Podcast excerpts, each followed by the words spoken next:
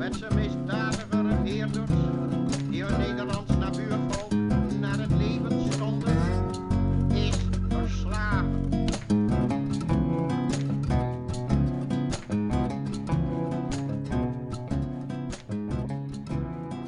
Welkom bij de volgende aflevering van Schiestory, de geschiedenispodcast van het gemeentearchief Schiedam. Ehm, mijn naam is Kees Kremer en vandaag zit ik met gemeentearchivaris Merel Blok in het gemeentearchief zelf. En na vorige keer het onderwerp slavernij in verband met Schiedam met Laurens besproken te hebben, ga ik nu met Merel Blok dieper in op het specifieke verhaal van Daniel Pichot. Eh, welkom Merel. Zeg ik eigenlijk Pichot of Pichot? Ik zeg altijd Pichot. Oké, nou, Maar eh, Jij doet er onderzoek naar, dus dan zal dat waarschijnlijk wel kloppen. Dus dan zou ik ook wel Pichot eh, zeggen. Ehm, jij doet dus onderzoek naar Pichot. Hoe zou je hem omschrijven als je hem zou moeten omschrijven? Hmm. Eh, Daniel Pichot was lange tijd een bestuurder in Schiedam. En ik denk dat hij een goed voorbeeld is van ehm, een persoon in de 18e eeuw in Nederland die internationaler is dan we hem herinneren. Dus als je kijkt naar de geschiedschrijving tot nu toe, hij is bijvoorbeeld ook, eh, er is een straat naar hem vernoemd.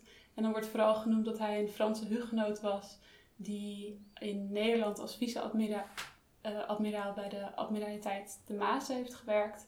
En eh, in Schiedam veel bestuursfuncties heeft vervuld. Maar daar blijft een beetje onderbelicht dat hij ehm, eigenlijk geboren is in Suriname.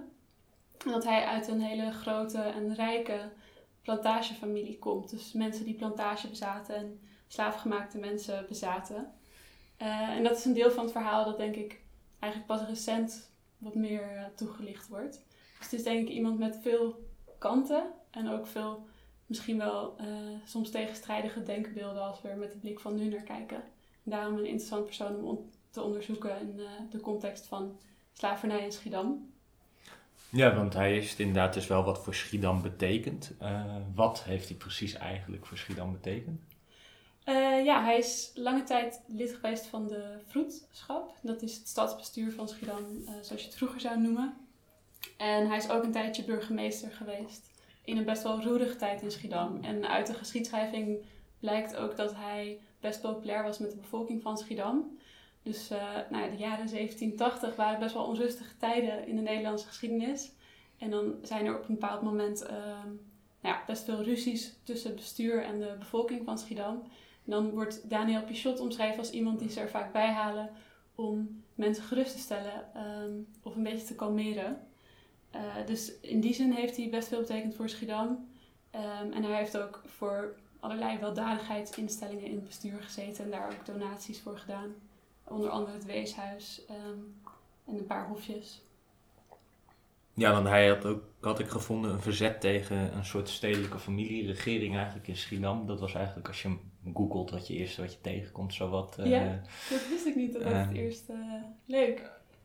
Kan Ja. je daar wat meer misschien ook over vertellen? Of, eh, Ja, dat is denk ik wel een interessant verhaal mee te beginnen als we het hebben over zijn, zijn rol in Schiedam. dus wat je, wat je in die periode ziet is dat je eigenlijk twee grote groepen hebt die hele verschillende denkbeelden hebben over hoe Nederland bestuurd moet worden. Eh, Dus je hebt de orangisten en die staan tegenover de patriotten. En de orangisten die steunen de stadhouder. Ehm, en Daniel Pichot was onder andere ook orangist. En de patriotten die wilden graag van de stadhouder af. Die zagen hem ook wel een beetje als nou, een zondebok voor hoe het met Nederland ging. Nederland liep economisch op dat moment achter en had een, een eh, oorlog met Engeland op nogal, nou ja, eh, schandalige wijze verloren. als ik het zo mag zeggen. Eh, en, en hij steunde dus de stadhouder. En de stadhouder had bij de benoeming van stadsbestuur veel invloed, omdat hij het recht van recommendatie had. Eh, dus als je kijkt naar de familie Pichot en hoe ze überhaupt in Schiedam terecht zijn gekomen, dan zie je dat een oudere broer van Daniel Pichot, Jan Albert, eigenlijk als eerste in de vroedschap toetreedt en als relatieve vreemdeling. Ehm, dus dat betekent, als je kijkt naar het stadsbestuur van Schiedam rond die tijd, werden er voornamelijk mensen die familie van elkaar of vrienden van elkaar waren benoemd. En Jan Albert kwam als buitenstaander uit Suriname binnen. En dan zie je dat dat gebeurt omdat de Oranjes hem steunen. Dus dat betekende dat zij graag wilden dat hij in het stadsbestuur van Schiedam toetrad. En dat recht van recommendatie is uiteindelijk afgeschaft. En daar is toen eh, conflict over geweest. Dat is in 1781 gebeurd.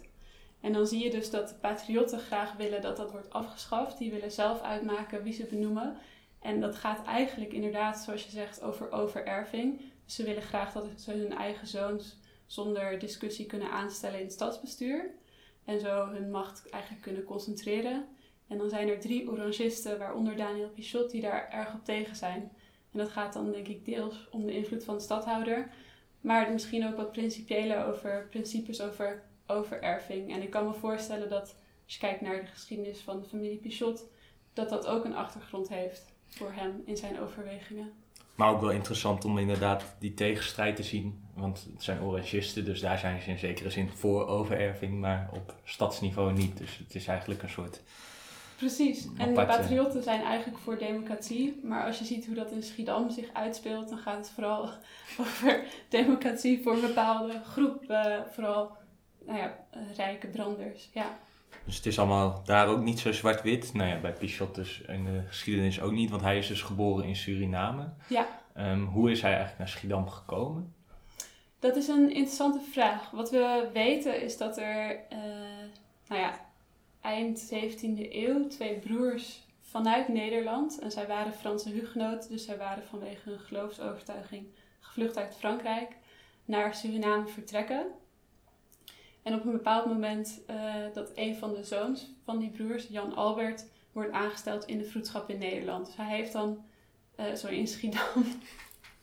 en hij heeft dan waarschijnlijk uh, in Nederland ook onderwijs genoten. Dus het was voor veel van die plantersfamilies in Suriname heel belangrijk dat zowel hun zoons als hun dochters onderwijs genoten. Want dat was een manier om nou, terug te kunnen keren naar Nederland en daar rijkdom en invloed te vergaren. En op een gegeven moment lukt het de oudere broer van Daniel Pichot dus om in Schiedam aangesteld te worden. Het is mij nog niet duidelijk waarom Schiedam um, of hoe hem dat is gelukt. Maar ik vermoed omdat de oudere broer van Daniel dus al in de vroedschap zat, dat hij op die manier uh, in Schiedam terecht is gekomen.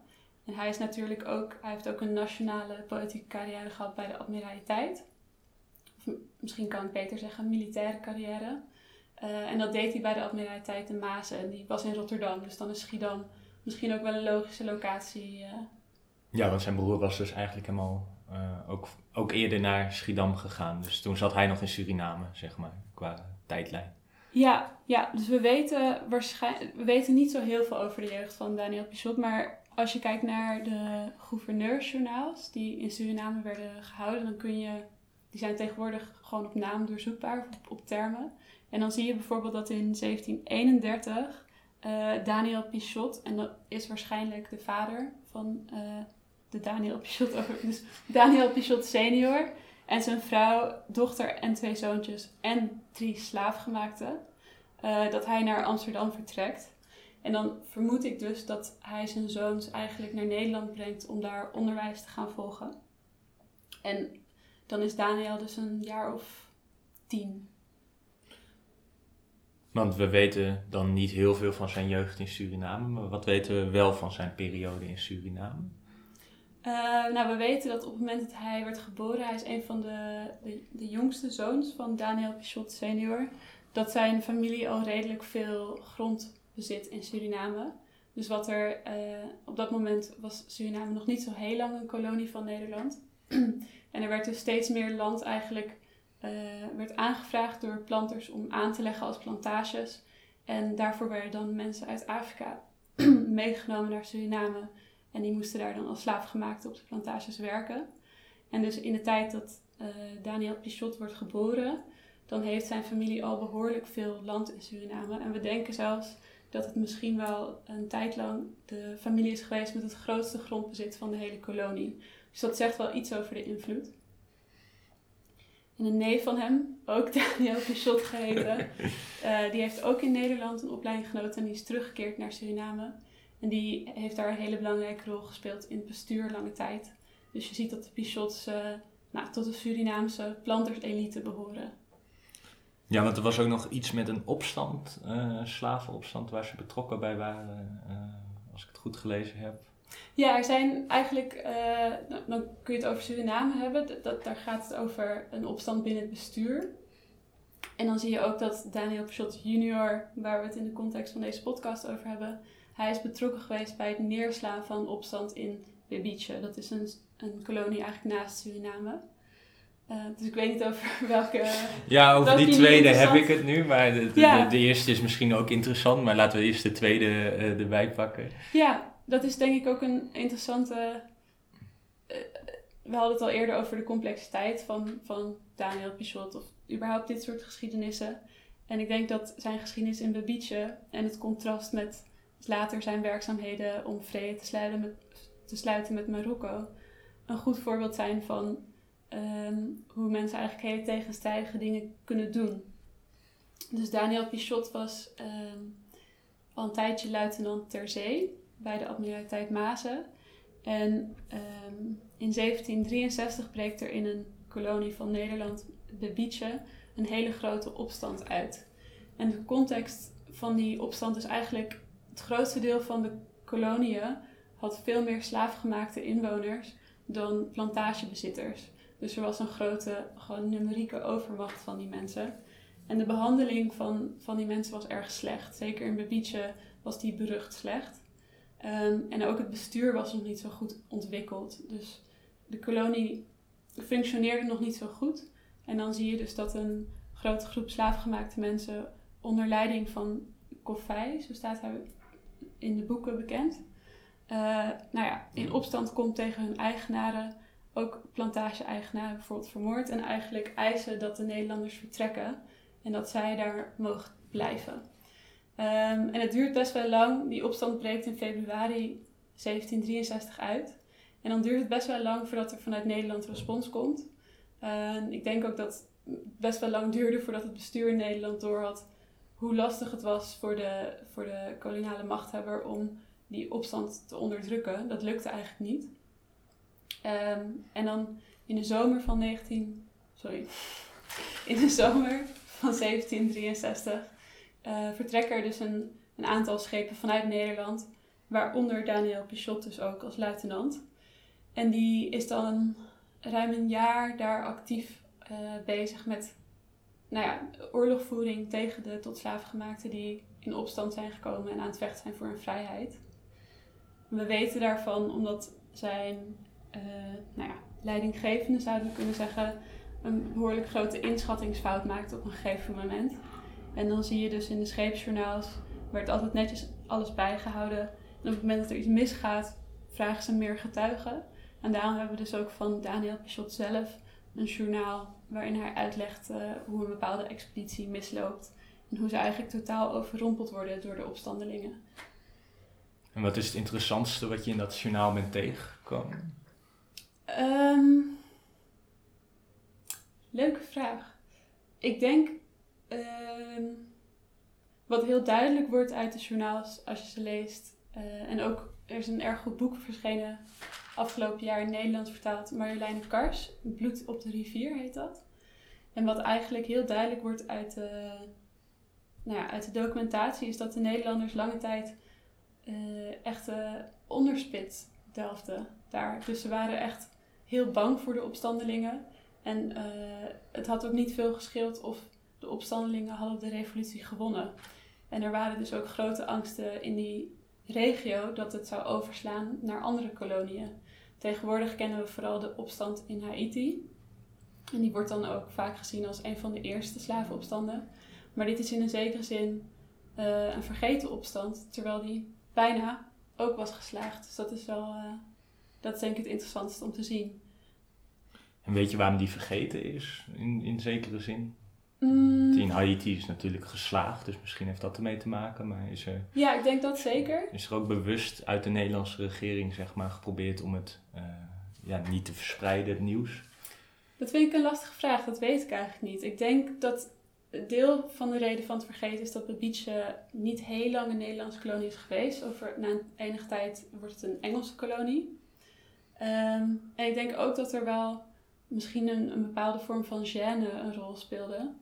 Ik denk dat er in Nederland, als in de Nederlandse Republiek, vaak niet zo heel erg veel duidelijk was over de toestand van de kolonie. Dus er waren wel veel berichtgevingen, maar zoals je ziet qua respons ook, het, ehm, ik denk dat er een, een mooier beeld werd geschetst van de situatie daar dan daadwerkelijk gaande was. En zijn logboek of dagboek, is die nog in te zien eigenlijk? Want jij hebt hem inderdaad ingezien, maar is hij nu bijvoorbeeld in het gemeentearchief in te zien of ergens anders? Eh, die liggen allemaal bij het Nationaal Archief Ja. en die zijn ook ingescand. Dus misschien dat we een link bij de podcast Ja, dus, toevoegen dus als je die inderdaad wil inzien, dan, eh, nou, dan is het naar Den Haag en dan eh, kan, je, kan je daar het Ja. inkijken. Ehm, verder, met, eh, ja, je had het net over een andere onrust, zeg maar, dan, dan in Suriname. Eh, kan je daar wat meer over vertellen? Ja, dat gaat echt over de, nou ja, de koloniale politiek in Suriname zelf. dus je ziet, eh, ik noemde net al even dat de familie Pichot een tamelijk invloedrijke en hele rijke familie in Suriname was. En daar waren een aantal families van. En die trouwden onderling ook veel. Dus daar was echt een netwerk van, van rijke planters, zo gezegd. Eh, en tegelijkertijd werd het koloniaal bestuur voornamelijk vanuit Nederland ehm, aangemeld. En op een gegeven moment ehm, komen die twee werelden met elkaar in conflict, zou je kunnen zeggen. Dus de, de bestuurders vanuit Nederland vinden die planters eigenlijk nogal, je zou kunnen zeggen, ordinair of onderontwikkeld. Eh, en de, de families in Suriname vinden dat de bestuurders vanuit Nederland heel weinig begrip hebben voor de situatie en eh, ook niet in hun belang handelen. En dat komt eigenlijk ehm, deels door de vraag hoe de kolonie moet worden bestuurd en georganiseerd. En daarbij hebben de planters natuurlijk vooral een eigen interesse. Ehm, de hele plantage-economie is gebaseerd op winst maken door gedwongen arbeid. En dat is vooral uit hun eigen interesse. En te- tegelijkertijd heeft het Nederlands bestuur eh, grote vragen over de bescherming van de kolonie tegen onder andere Franse inval. Eh, maar er is ook een heel groot probleem met weggelopen slaafgemaakte Marons. En die voeren eigenlijk een soort guerrilla-oorlog tegen de plantagehouders in een poging om andere slaafgemaakten te bevrijden. Ehm, en daar moet dus eigenlijk constant eh, nou ja, tegen worden gevochten. En dan komt er de vraag, wie financiert eh, dat soort kwesties? Dus dan is er een fort. eh, ik moet even kijken hoe dat heet. Volgens mij Fort Nieuw-Zeeland. En dat moet dan worden aangelegd. En daar wordt ook slavenarbeid voor gebruikt. Maar de planters zijn dan eigenlijk niet bereid om hun slaven, slaafgemaakte eh, arbeiders daarvoor uit te lenen. En dan komt er dus echt een groot conflict met een tamelijk nieuwe gouverneur, Mauritius. Eh, dat wordt zelfs zo hevig dat een aantal van de plantage-eigenaren naar Nederland vertrekt om bij de Staten-Generaal hun beklag te doen tegen de, tegen de gouverneur. Waaronder ook Pichot. eh, Ja, en dan is dus een broer van Pichot, Samuel Paulus, die eh, heeft waarschijnlijk tegelijkertijd met Daniel in Leiden gestudeerd, maar gaat daarna terug naar Suriname en wordt daar ehm, nou, belangrijk plantagehouder en is ook bij de Raad van Politie actief. En hij is eigenlijk een van de, de leiders van die opstand tegen de gouverneur. En een goede vriend van hem, Duplessis, die keert dan terug naar Nederland, maar krijgt dan vervolgens geen toestemming om terug te gaan naar Suriname. Eh, en de, nou ja, het conflict loopt uiteindelijk enigszins af met een sisser. Er wordt een compromis bereikt over de financiering van eh, de verdedigingen. Duplessis moet in Nederland blijven.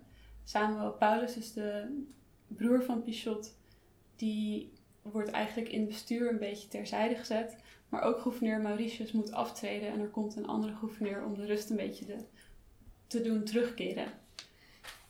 En die, die, die Duplessis is volgens mij een bekende naam ook in, eh, ja, in Suriname. Volgens mij die Maria Susanna Duplessis wordt een beetje als symbool gezien van de vreedheid eigenlijk. Tenminste, dat ben ik tegengekomen. Absoluut, ja. En, maar je ziet dus ook dat die families heel erg contact met elkaar hebben en eigenlijk heel erg op goede voet met elkaar leven. Zeker, zeker. En er wordt ook veel onderling getrouwd. Ehm, mensen gaan ook best vaak dood. Het is, best, het is een zwaar leven daar. Veel mensen krijgen tropische ziekten. zeker als ze uit Nederland komen. Ehm, en Daniel Pichot is ook familie van Susanna Duplessis. Dat is inderdaad in de Surinaamse, vooral in de mondelinge Surinaamse geschiedenis, staat zij inderdaad symbool voor vrede slavenhoudster. Ehm, er is ook een goed boek over haar verschenen van Hilde van de Sputten. Ik zal ook een link in, in Ja, de beschrijving zetten. En dat is wel interessant, want het is natuurlijk ook wel interessant om te zien dat zij als vrouw ehm, symbool staat voor de vrede plantagehouders. En zij had ook behoorlijk veel plantages in bezit, omdat zij veel getrouwd is en haar eh, echtgenoten veel overleden. Dus door erven werd zij een van de rijkste en grootste plantagebezitters.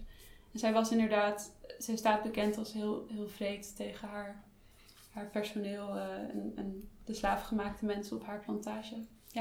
En Daniel Pichot die gaat dus uiteindelijk naar Schiedam en die eh, krijgt hier een grote rol. Ja. Hebben die families, die hebben dus contacten in Suriname, hebben die in Nederland zeg maar komen? Want je zei dat die andere Duplessis zeg maar ook in Nederland eh, gebleven is.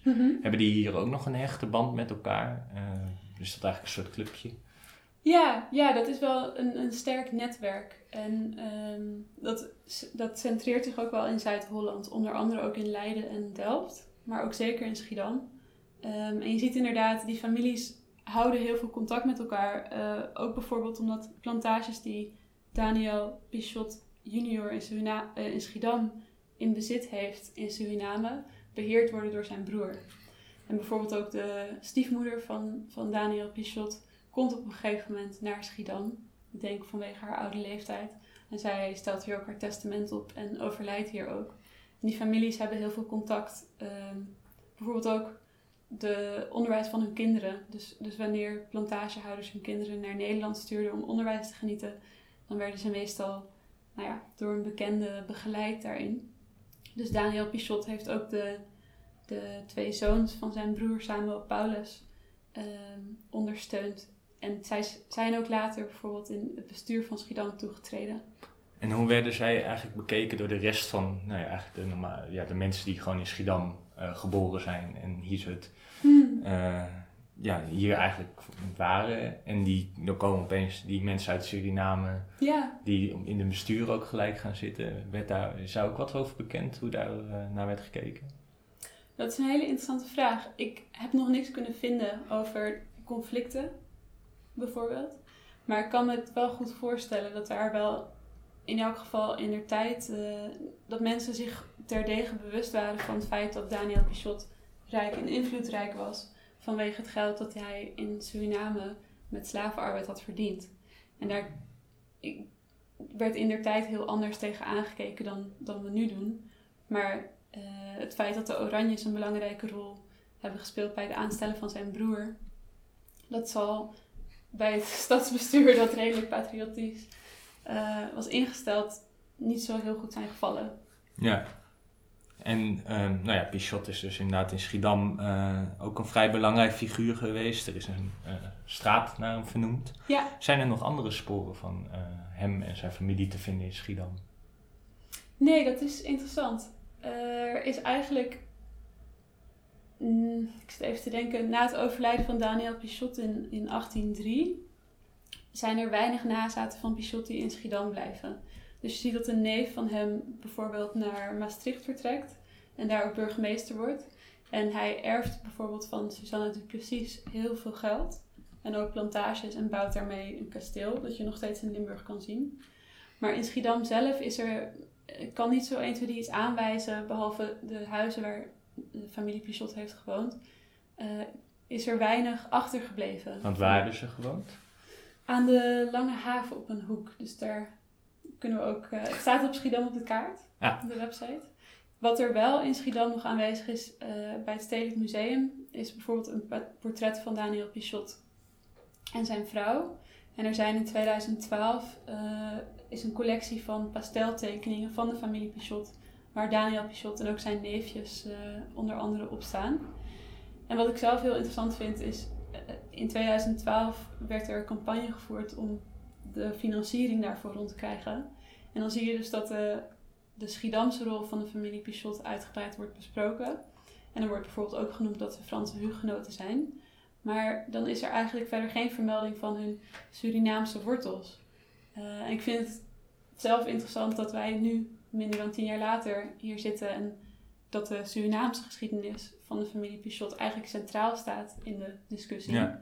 Dat zegt denk ik ook iets over de aandacht, de toegenomen aandacht in de maatschappij voor het Nederlands slavernijverleden en ook het koloniaal verleden van Nederland. Ja, want ook het grote deels van hun vermogen komt daar eh, vandaan. Wat voor vermogen hebben ze daar eh, ongeveer uit opgebouwd? Hoe rijk zou je ze nu schatten? Misschien een moeilijke vraag, maar... Dat is een lastige vraag. Ik ben nog niet. Er ligt hier in Schiedam eh, qua notariële akte heel veel.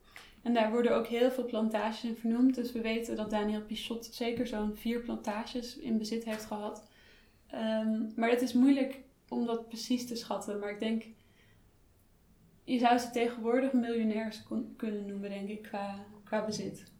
Ja, en een huis op de Lange Haven, zei je, is ook vrij groot dan, denk ik, neem ik aan. Of is dat, eh, valt dat tegen? Ehm, dat valt wel mee. Ja. Maar ja, ik zit even te denken hoe we met de ogen van nu hun, hun vermogen kunnen inschatten. Ze waren in Suriname, was de familie Pichot heel rijk.